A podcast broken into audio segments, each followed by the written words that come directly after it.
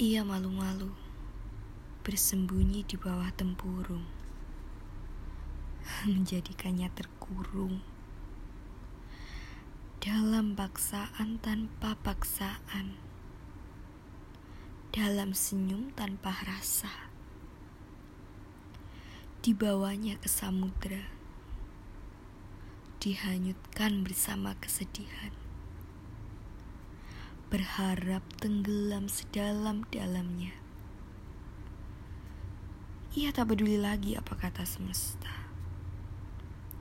Ia bahagia tanpa terpaksa, tanpa paksaan.